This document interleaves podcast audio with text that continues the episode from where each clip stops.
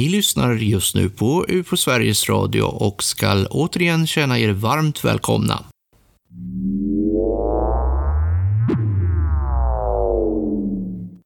Riksorganisationen UFO Sverige har inte bundit sig vid någon särskild teori om UFO-fenomenens natur eller ursprung. Inställningen är att det finns en kärna av UFO-rapporter som representerar hittills okända eller ej tillräckligt undersökta fenomen och stimuli. Sannolikt rör det sig om flera okända fenomen som inte behöver ha något samband med varandra, men som alla rapporteras som UFO. Dessa rapporter förtjänar vidare forskning och det är Riksorganisationens ambition att intressera enskilda forskare och akademiker att ta sig an frågan utifrån så många discipliner som möjligt. Kanske kan den amerikanska rapporten vara starten på något som till slut hamnar hos den etablerade forskarvärlden och inte bara som extra bränsle i debatten bland ufo-intresserade och allmänhet.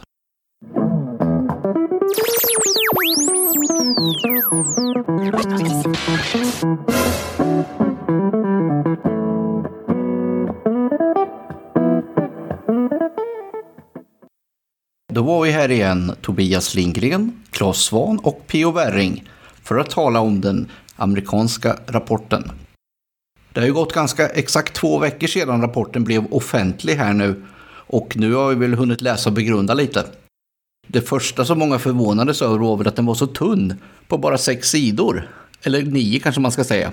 Men det har väl inte egentligen med tjocklekens betydelse att göra. Eller vad säger ni? Nej, den var ju väldigt tunn. Men det som stod i den var ju väldigt intressant.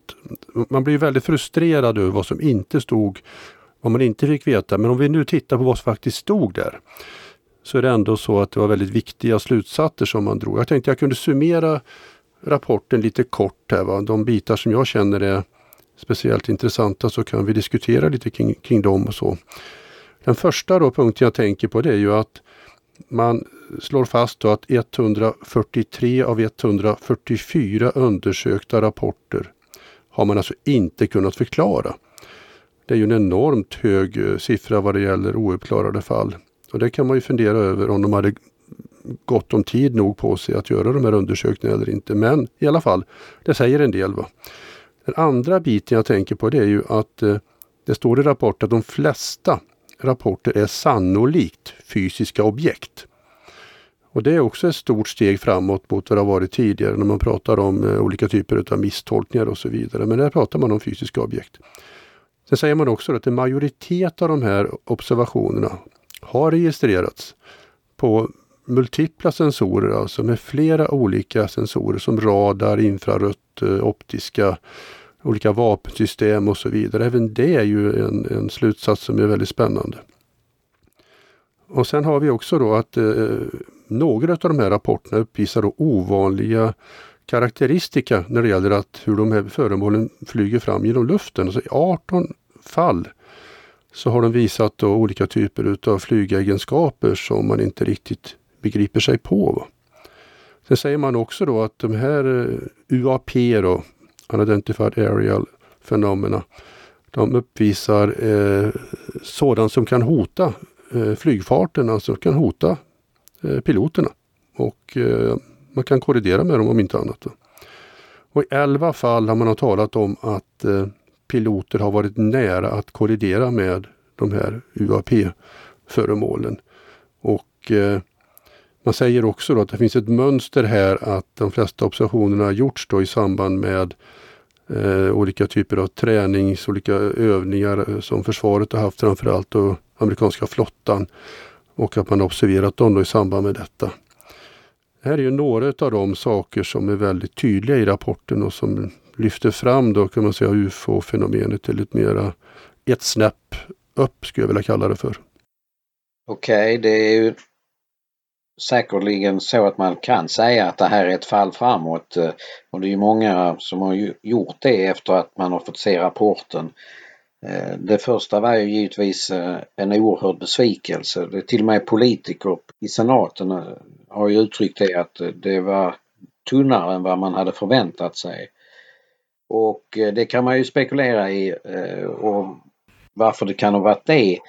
Eh, det kanske inte är så meningsfullt därför att vi lär ju kanske i alla fall inte den närmsta tiden få reda på det. Men man kan ju ändå säga att det kan vara allt från tidsbristen till eh, de enormt stora spänningar som fortfarande finns inom Pentagon kring det här fenomenet eh, som gör då att det finns eh, militärer som med näbbar och klor slåss för att det inte ska ägnas någon tid åt, åt UAP-fenomenet överhuvudtaget. Och eh, eh, det kan också vara en del i den maktkamp som finns mellan flottan och eh, flygvapnet.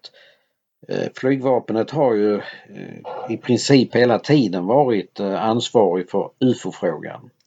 Men har ju blivit eh, eh, ifråntagen den genom de initiativen som US Navy har gjort under de senare åren. Och eh, US Navy har alltid varit mycket mer öppen för att diskutera för det som jag skulle vilja kalla det för ett seriöst sätt det här UFO-fenomenet eller UAP-fenomenet numera eh, än vad US Air Force har varit som eh, alltid har eh, motarbetat alla uppgifter eh, och alla eh, försök att klarlägga vad det, vad det är för fenomen. Och det har man gjort i alla de här stora utredningarna som man har haft hand om, bland annat då Blue Book-utredningen. Man ska väl komma ihåg också att den här rapporten är en bedömning. Det står ju redan på första sidan att det är en, en preliminär bedömning. Så är det. Eh, den här kommer ju att följas upp med ytterligare en rapport och eh, när den här rapporten släpptes då sent på midsommaraftonens kväll, det var vid 23-tiden svensk tid när folk satt och hade ätit sin sill och druckit sina snapsar. Då eh, kom det också en annan eh, rapport, eller en annan order då, samtidigt då från ställföreträdande försvarsministern Kathleen Hicks. Som skrev då att eh, eh man skulle då säkra upp då nya rutiner för att man skulle få in eh, dels rapporter Eh, man ska rapportera inom två veckor, eh, står det där bland annat. Eh, om det man ser någonting okänt på himlen om man är pilot. Och hon gav också order om att man nu ska försöka då att säkra de militära övningsområdena på ett betydligt bättre sätt eftersom det är där många observationer har gjorts. Då. Men sen är det ju så också att det kommer en ny rapport då, inom 90 dagar ifrån Kathleen Hicks uttalande och det innebär den 23 september. Så det är nästa datum att hålla utkik efter egentligen, eller inom 90 dagar som man säger. Då kommer sannolikt en icke preliminär utan en mer definitiv rapport som kanske kommer att ge oss lite mer kött på benen. Men hur mycket hinner man producera på ytterligare 90 dagar då? Ja, de arbetar ju under tiden. De har ju säkert eh, fortsatt sitt arbete. Mycket som de inte hann med tror jag, som kommer att bli bättre undersökt. Men vi ska inte förvänta oss några underverk, det tror jag knappast. Jag tror inte att det är så att eh, de 144 fallen som beskrivs i den första rapporten eller finns med i den första rapporten att de har liksom bara utretts under det senaste halvåret utan det är säkert de som har utretts eh, betydligt tidigare av andra grupper också så att man har tagit material som redan har funnits och man har väl tittat på dem och gjort en bedömning även nu men eh, det stora arbetet har, har eh, redan gjorts. Jag vet inte vad det är för direktiv egentligen som finns till den här rapporten som ska komma om tre månader. Eh, mer än att det ska vara en mer, eh, en mer eh, en riktig rapport och kanske inte så preliminär som den är eh, nu men jag vet inte vad det skulle kunna vara för att man kommer väl inte till kunna slå fast någonting om inte man antingen håller upp en kinesisk superdrönare och säger att det här var det eller att man håller upp en alien.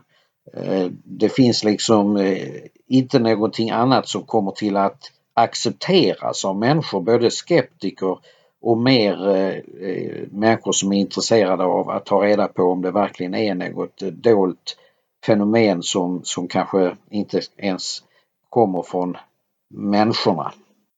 Jag tror inte det är idén heller. Jag tror liksom inte att man jobbar fram ytterligare svar utan det man gör nu det är att jobba fram rutiner för att faktiskt kunna dokumentera det som händer. Det finns ju inga klara rutiner som gäller både US Navy och US Air Force och alla andra möjliga myndigheter i USA som faktiskt då inte är samordnade idag. Men det säger ju då eh, Hicks bland annat att det här måste ju samordnas och det sa ju också Marco Rubio, eh, republikanska senatorn då som ligger mycket bakom den här, att det blev en rapport överhuvudtaget, att han vill se det. Va? Och nu säger Hicks då att det här ska formaliseras.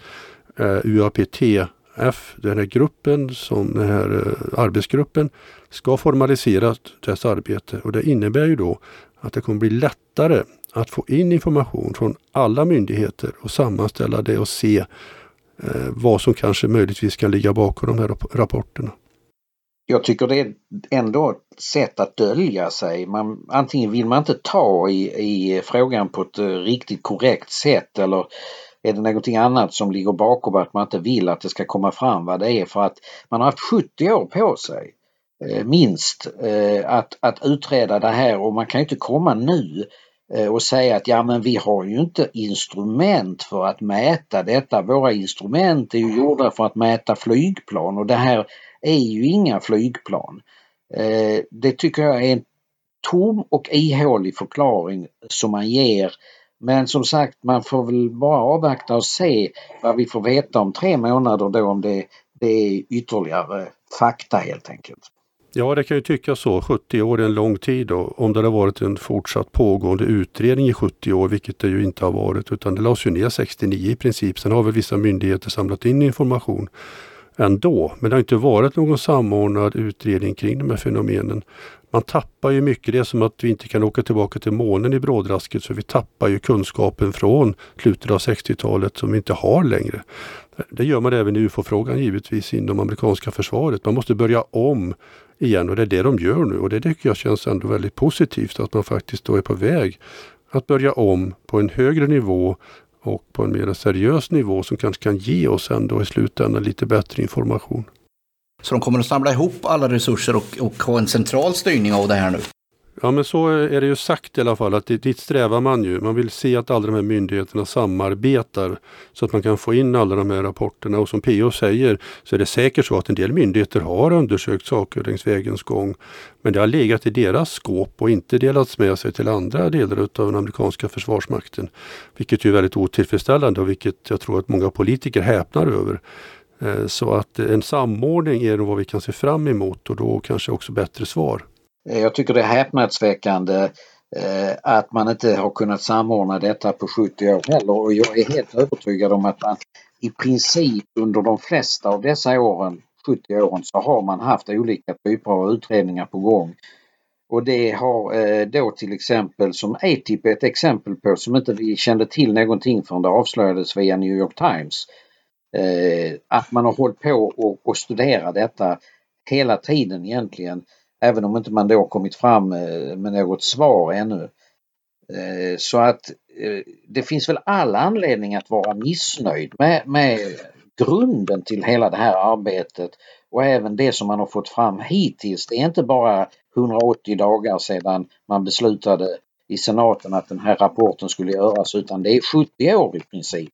Eller eh, dra av 20 år då och säga att det är 50 år i princip och som man har haft väldigt lång tid på sig. Men detta är också ett, ett eh, resultat av maktkamper. US Navy och US Air Force är i luven på varandra även kring detta. Eh, US Navy vill eh, ha mer inflytande i det här arbetet. US Air Force har varit vana vid att de har kunnat styra och ställa det här själv och så som man uppenbarligen har velat tysta ner det så mycket som möjligt. Man, vi har inte fått veta någonting via US Air Force. Eh, vi har fått veta mer via US Navy på något år nu än vad vi har fått veta på de här 70 åren tidigare från US Air Force. US Air Force kan ju inte gnälla nu när de har lämnat ifrån sig det och sagt att det inte har varit något intressant för dem. Då kan de inte komma här nu och säga att, det, att de har blivit ifråntagna frågan. Nej, det kan de knappast göra utan eh, de har ju släppt den här frågan. Och det har de ju inte. De har ju inte. De har inte blivit ifråntagna. De har ju släppt frågan eh, sedan ganska lång tid tillbaka. Det är väl det enkla svaret. Ja, de har själv släppt det. Det är det som är problemet. Eh, men de har ju inte blivit ifråntagna. Men nu vill de ju vara med igen och leka. Man har ju alla anledningar att tro att de skulle köra precis samma stil som de har gjort tidigare, nämligen att tysta ner och helt enkelt eh, se till att inte det som man vet kommer fram. Det har föregått ett fult spel från US Air Force sida under väldigt många år och det är ju bara att tacka att US Navy har stigit in och börjat intressera sig för den här frågan mer och mer. Det är ju dessutom är det en skillnad mellan observationerna som US Navy och US Air Force gör.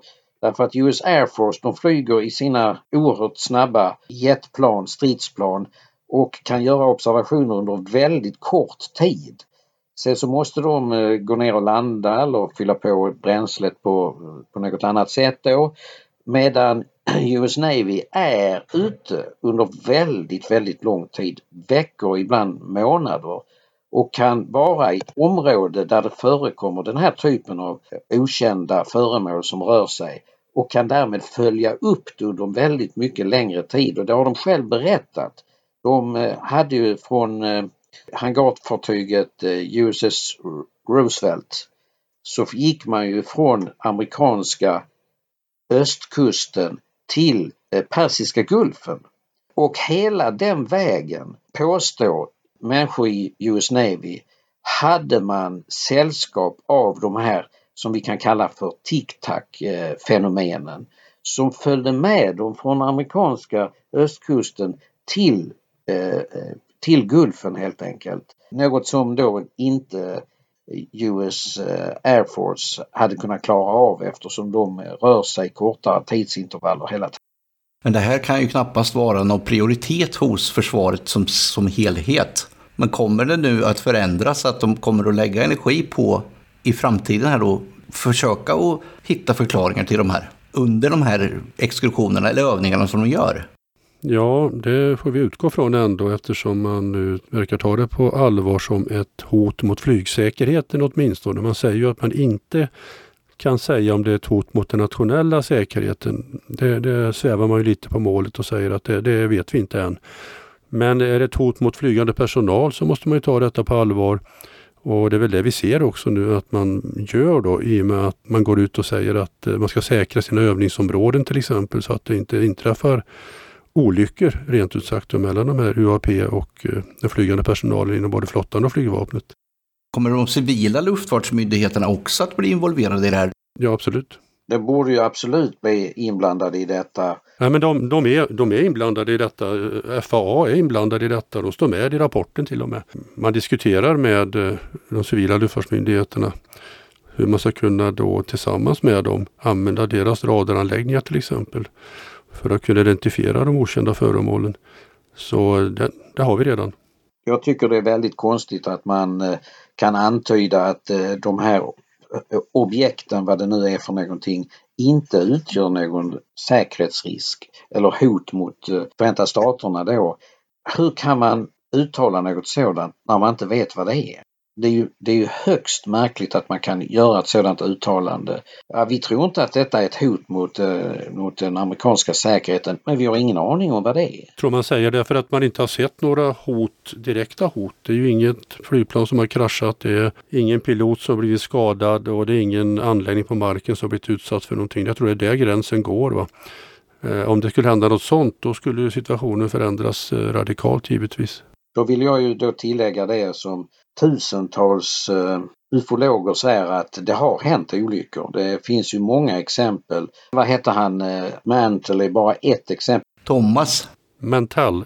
Inte Mantle utan Mantell. Det kanske är Thomas Mantell då. Uh, så, som, och det finns ju många exempel som där, där det finns flygplan som ska ha blivit inte bara uppvaktade på ett mycket hotfullt och farligt sätt utan som även ska ha skadats och störtat. Sen så har man ju aldrig medgivit detta från myndigheter och där handlar det väl om vem man tror på. Vill man tro på myndigheterna när de säger att det aldrig har hänt eller, eller har man anledning med alla de vittnesuppgifter som finns att, att tro att det faktiskt ändå har hänt. Och i så fall så är det ju ett, ett hot mot eh, flygfarten och, och även eh, eh olika länder och liknande som, som, eh, som finns.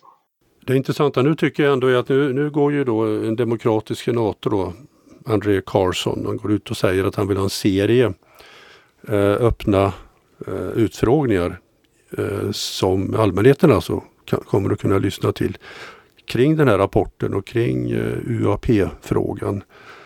Och vi får väl se då om eh, Carson då som eh, ändå sitter som ordförande då i representanthusets kommitté för antiterrorism och kontraspionage i den kommittén.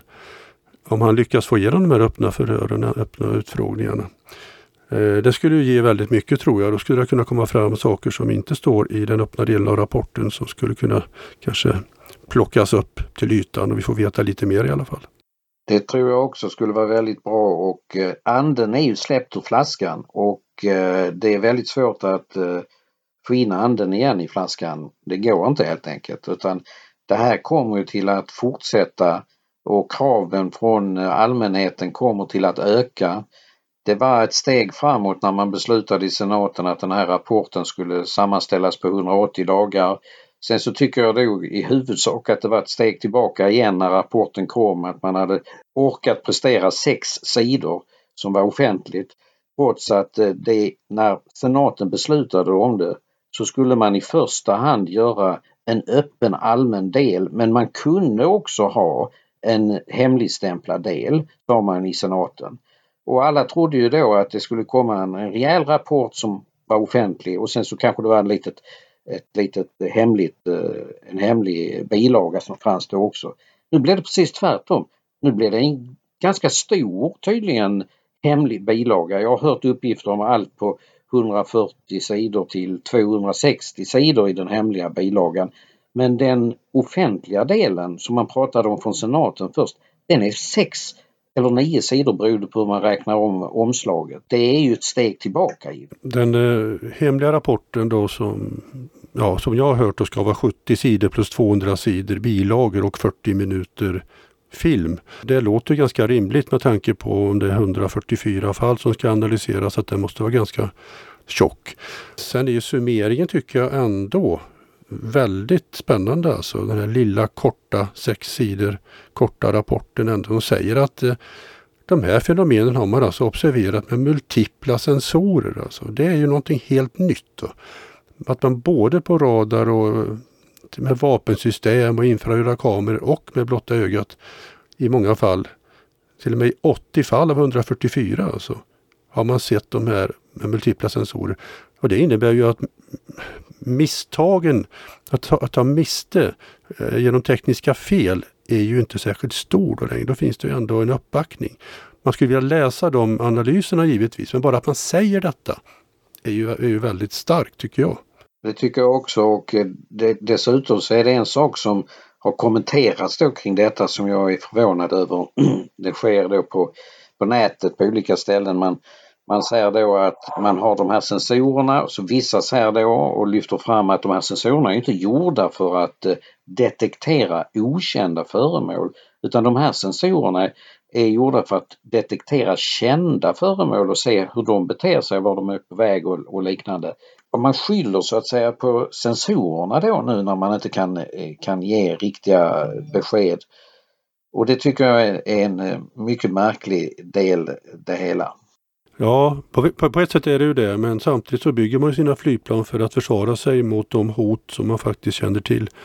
Och det, det, går inte att lasta på för mycket heller i ett flygplan så att man blir överbelastad med information som pilot utan man väljer bort saker Eh, för att kunna få data som man kan arbeta med i ett stridsskede och det handlar om sekundsnabba beslut givetvis.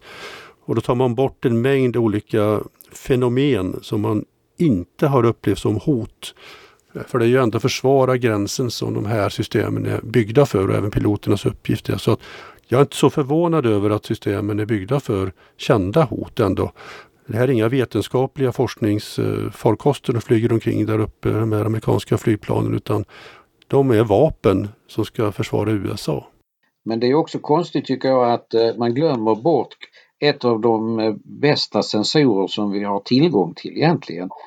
Och det är ju den mänskliga synen och observationsförmågan hos alla piloter och radaroperatörer och liknande som med sina egna ögon både har sett fenomenen och vad de lämnar för bilder på e- instrumenteringen. Det verkar man ha tappat bort helt och hållet. Det mänskliga vittnet är tydligen ointressant så här långt. Eh, så Fravor och hans eh, rotkvinna med Nimitz-observationen eh, verkar ju inte vara värda någonting i det här sammanhanget.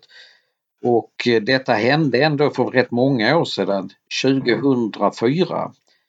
Och eh, då fanns det inte några kinesiska eller ryska superdrönare som skulle kunna prestera det som de gjorde då. Det finns inte idag heller. Och varför man då inte kan ta ett steg längre fram och säga att det här är någonting som är egentligen omöjligt att förklara med, med, med den teknik eh, som vi har. Det måste vara någonting annat. Eh, men så långt vågar man ju inte gå att eh, man håller fortfarande på att prata om kinesiska drönare och ryska drönare och sådant men det är det inte. Det är ju inte det. Alltså det kan inte vara det så att det måste ju vara någonting annat men ändå håller man på att harva med att, att titta efter kineserna, ha någon Kina och ryss-skräck i USA tydligen som är är ganska meningslös. Men jag tycker inte att man bortser från piloternas rapporter. Det står ingenting i rapporten om att eh, de skulle vara värda mindre än något annat. Eh, och när Bill Nelson, och NASA-chefen, går ut och skryter om att han har talat med piloterna själv och så vidare så visar det ju ändå att man tar detta på rätt stort allvar. Och Bill Nelson har ju läst den hemliga delen av rapporten också. Och många har ju lyft fram piloternas rapporter bland eh, både Marco Rubio och andra inom senaten. Så jag tror inte att det är så att man har bortsett från dem utan man vill, man vill ju lägga till de här eh, sensorerna till piloternas observationer för att kunna få den totala bilden. Det förstår jag. Ja absolut, det tycker jag också. Men det nämns ingenting i den öppna rapporten om detta och det tycker jag är konstigt eftersom flera av de här piloterna har framträtt med både namn och, och, och, bild och liknande och berättat om det och de får inte ens vara med i den öppna delen. Det är precis som man vill försöka tysta ner den delen och så pratar man om tekniken istället och att inte till och med att tekniken inte är så bra egentligen så de kan inte detektera den här typen av okända fält. Så att på något sätt så tycker jag att man målar in sig i ett hörn där man nu har egentligen ingen möjlighet att ta sig ur. Man kommer inte, man har inte på något sätt löst frågan. Man har inte på något sätt eh, eh, närmat sig kärnpunkten i detta. Man kommer till att få så stora krav på sig nu, amerikanska militären i form av Pentagon och nu eh, senatorer och kongressledamöter som har gett sig in i den här diskussionen. Och allmänheten kommer till att sätta press på dem att få veta vad det är och vi har inte fått veta någonting. Vi står fortfarande med det kinesiska spöket framför oss ungefär som att det är de som flyger omkring med dessa superföremål som eh, inte finns helt enkelt. Men det är väl ändå bra att de har börjat? Ja, det är det, men jag hade förväntat mig mycket mer. Jag tycker att eh, många av, eh, av ufologerna är alldeles för försiktiga och, och ödmjuka när man nästan står med mössan i hand och tackar amerikanska militärer och politiker för att de har gjort den här sexsidiga rapporten. Eh, för mig duger det inte. Jag tycker inte det räcker. Det måste fram mycket mer. Det måste, man måste konfrontera dessutom militär och politiker, inte bara i USA. Jag tycker till exempel att UFO Sverige borde vända sig både till svenska försvaret eh, officiellt och eh, en del politiker, försvarspolitiker och liknande Eh, och kräva dem på tydligare svar vad Sverige ska göra för att bidra till att ta reda på vad detta fenomenet är.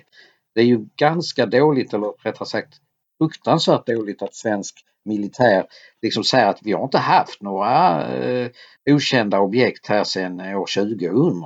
Men hallå, det vet vi. Vi vet ju att det har varit så att det finns och nu får faktiskt svensk militär steppa upp och, och, och börja visa framfötterna och hjälpa till för att lösa den här gåtan. Det har inte bara svenska medborgarna rätten att få, eh, få svar på de frågorna utan det är faktiskt någonting gemensamt i hela världen att myndigheter och militärer måste hjälpas åt för att eh, se till att lösa denna otroliga gåta som dessutom kan vara den största nyheten i världshistorien. Jag tror att det är viktigt att skilja lite på vad svensk militär har svarat på egentligen och även eh, brittisk militär säger.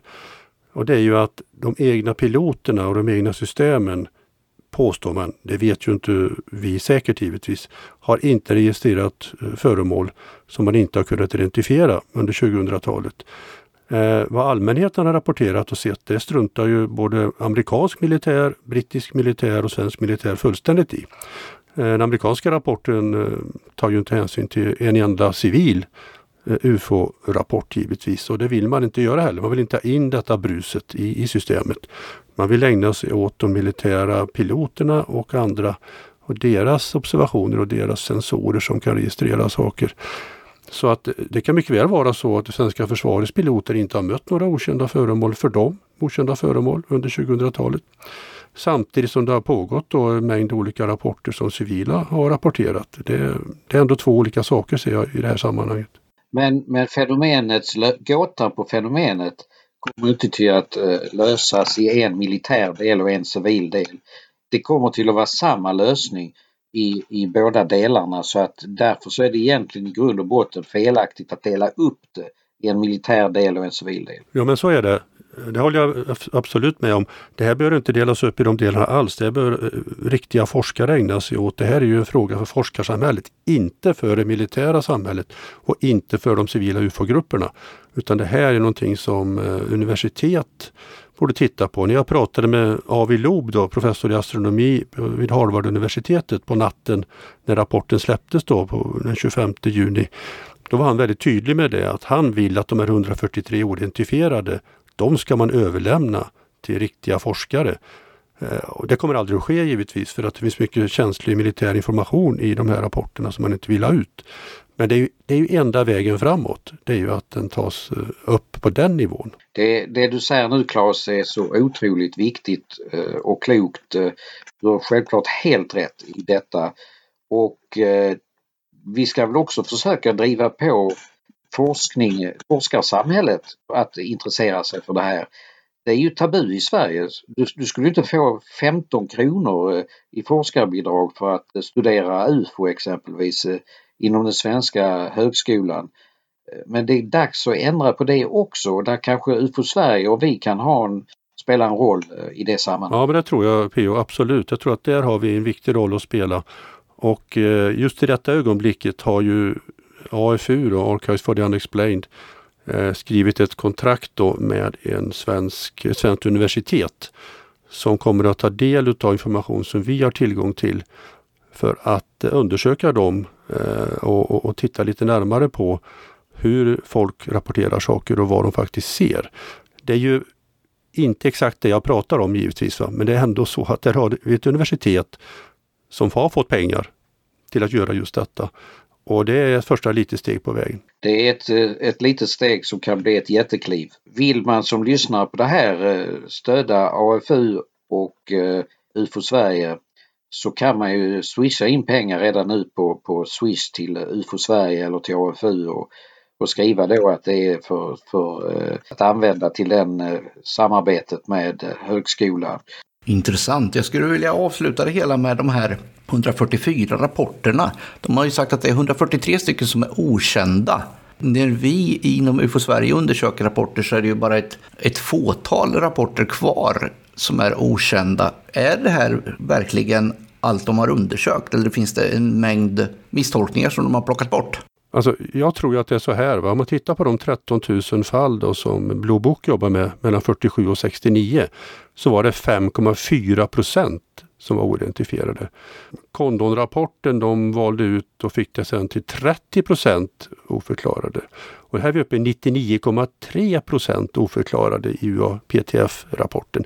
Det är ju givetvis siffror som är tveksamma, vill jag säga. Man måste ha sållat bort en hel del som man ansåg vara skräp eller lätta saker att identifiera. Det måste ha lagts väldigt mycket åt sidan. Man måste ha tittat på de bästa fallen för att få de här siffrorna. Det är ju så att man, det, det fallet som är identifierat av de här 144 det är ju favoritskälet, nämligen ballong. Ja, jag vet inte lika lite som någon annan vet givetvis, men jag tror ändå att man har sållat ganska hårt. Valt ut de, de bästa fallen. Sen får vi, jag skulle vilja se de här analyserna verkligen. Det är ju det vi alla vill se. Men vi kommer inte få se dem i brådrasket tyvärr. Alltså jag tycker också det är jätte, om jag får tillägga det bara också, att det är jättekonstigt att inte vi får ta del av någonting mer ur, ska vi kalla det för, ur den hemliga delen i denna rapporten. Eftersom de inte kan identifiera så behöver de ju egentligen inte berätta vad man har gjort för att försöka identifiera dem. Men det skulle ju vara väldigt intressant för oss att få veta vad det är för observationer. Helt rätt. Det, det tycker jag absolut man kunde kostat på sig. Man kunde ha publicerat åtminstone eh, sådant som inte är tekniska avslöjanden hur deras radar och liknande fungerar. Utan eh, berättat åtminstone i korthet om något enstaka fall hur man har gått tillväga, hur man har analyserat och varför man inte har kunnat komma fram till det. Men jag tror ju att det kommer att begäras ut den här rapporten givetvis och till slut kommer det att släppas delar utav den och då kommer vi få se lite mer. Precis. Vi kommer alltså att få all anledning att återkomma till det här ämnet. Det tror vi. Detta är, bara, detta är bara den lilla början på det. Det här kommer till att fortsätta och det kommer till att växa. Bli mer och mer.